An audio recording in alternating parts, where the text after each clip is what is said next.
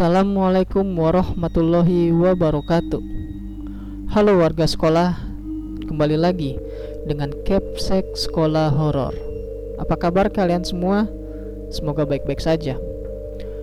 Di kelas sekolah horor kali ini menceritakan tentang bangku kosong bagian kedua. Melanjutkan cerita pertama di mana makhluk tak kasat mata di tempat bimbel Nana mulai menunjukkan keberadaannya dengan cara menggerakkan bangku kosong. Cerita ini bersumber dari akun Twitter @trisna_aprilian5. Sebelum kalian mendengarkan cerita ini, Capsek akan berterima kasih untuk like, share, dan komen kalian di video ini. Oke, lanjut saja. Selamat mendengarkan.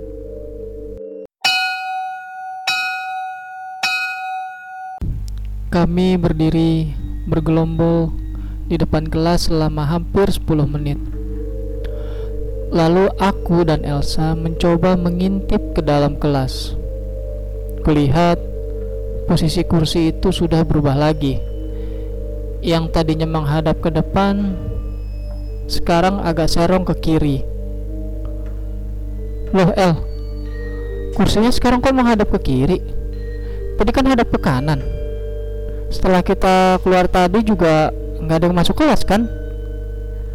Tanyaku pada Elsa. Lah, iya. Pas ditinggal Mbak Titi tadi kan masih hadap ke depan ya. Nggak ada juga yang masuk ke kelas. Orang jelas kita dari tadi di depan kelas ini nggak ke mana-mana. Jawab Elsa heran.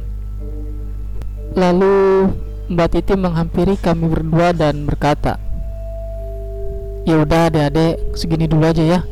Soal lanjutannya nanti kita selesaikan. Uh, lagi pula mbak juga udah pernah jelaskan materi yang itu kan? Dia ambil tas berani nggak? Tasnya mbak titis kalian ambilin kata Fitri. Dia pun menjawab palamu masa aku disuruh ambil tas sendirian?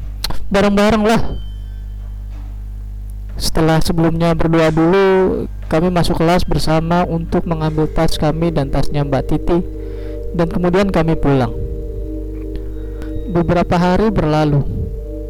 Cerita tentang bangku kosong itu sudah terdengar oleh seluruh tutor dan staf bimbel.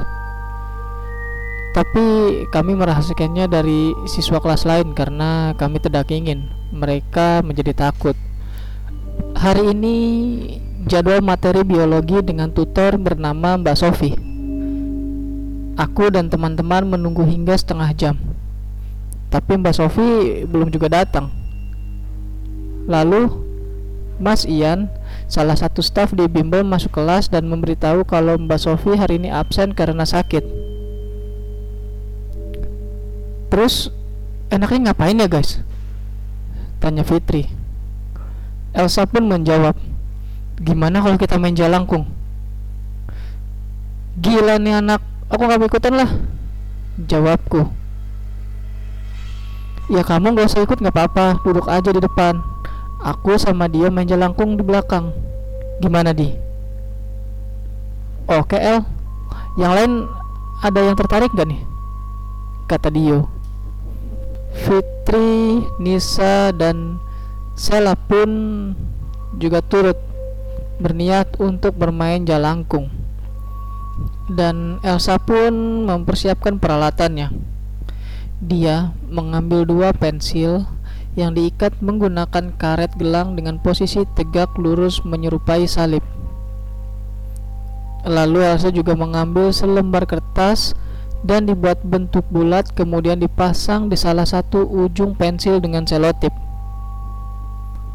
Setelah selesai, Elsa pun meminta Dio untuk memegang jelangkungnya sementara dirinya menyiapkan buku buat jawabannya. Mereka pun memulai permainan itu. Dan ketika mereka membaca mantra, ya, mantra yang sangat terkenal itu tiba-tiba pensil bergerak. Aku dan Wina yang sedari tadi tidak begitu menghiraukan mereka jadi kepo ingin tahu apa yang terjadi. Tapi ya kami takut untuk bergabung. Jadi kami hanya memperhatikan dari depan saja. Dan pensil itu bergerak berputar satu kali kemudian disusul dengan lampu ruang kelas kami yang tiba-tiba mati. Sontak, kami semua berteriak dan berhamburan berlari keluar kelas. Di luar kelas, aku pun memarahi teman-temanku di mana mereka penakut namun tetap sosokan berani untuk memainkan jelangkung. Tiba-tiba Mas Fajar datang. Mas Fajar adalah salah satu tutor SD di tempat bimbel kami. Dan dia bertanya kepada kami, "Ada apa? Kenapa kalian heboh dan berteriak-teriak gak jelas?" Begitu katanya. Sela pun menjawab, "Kalau tadi lampunya mati." Kemudian Mas Fajar menekan saklar lampu di sebelah pintu dua kali. Lalu lampu bisa menyala kembali. Cuma mati lampu gini aja kok teriak kayak ketemu hantu. Ini tadi kok bisa mati? Gimana ceritanya? Tanya Mas Fajar. Nggak ngerti mas aku juga tiba-tiba aja mati. Jawabku. Ya udah kalau begitu jangan berisik ya, kedengeran sampai kelas SD. Nanti kalian malu-maluin. Sambung Mas Fajar. Kami pun selalu meminta maaf kepada Mas Fajar yang telah berisik dan mengganggu kelas SD. Tiba-tiba Mbak Titi, tutor matematika kami pun datang menghampiri dan mengajak kami untuk masuk ke kelas karena ada sesuatu yang ingin dibahas dan diceritakan. Kami pun memasuki kelas dan duduk lesehan di depan papan tulis. Lalu disusul Mbak Titi yang setelah masuk langsung menutup pintu kemudian ikut duduk bersama kami. Aku ceritain ya guys. Ini yang dialami Mbak Nurul, tutor bahasa Indonesia. Pas ngajar di kelas ini tempo hari pas bagian jadwal malam?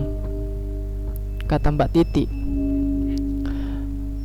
Pas Mbak Nurul ngajar tempo hari yang masuk cuma tiga anak. Harusnya kan kelasnya di belakang tapi karena kelasnya luas jadi dipindah ke kelas ini. Kebetulan kelas ini emang lagi kosong. Nah Mbak Nurul kan sebelum ngajar di sini dia ngajar di sekolahan dari pagi ngajar di sini sampai malam otomatis badannya capek dan ngantuk pula. Pas capek-capeknya Mbak Nurul tuh heran. Yang datang tiga anak tapi kok yang kelihatan seperti empat anak? Dan yang satu itu duduknya di belakang situ di kursi yang bergerak sendiri itu. Begitu cerita Mbak Titi Nisa pun bertanya. Mbak Nurul ceritanya langsung kesampaian ya mbak?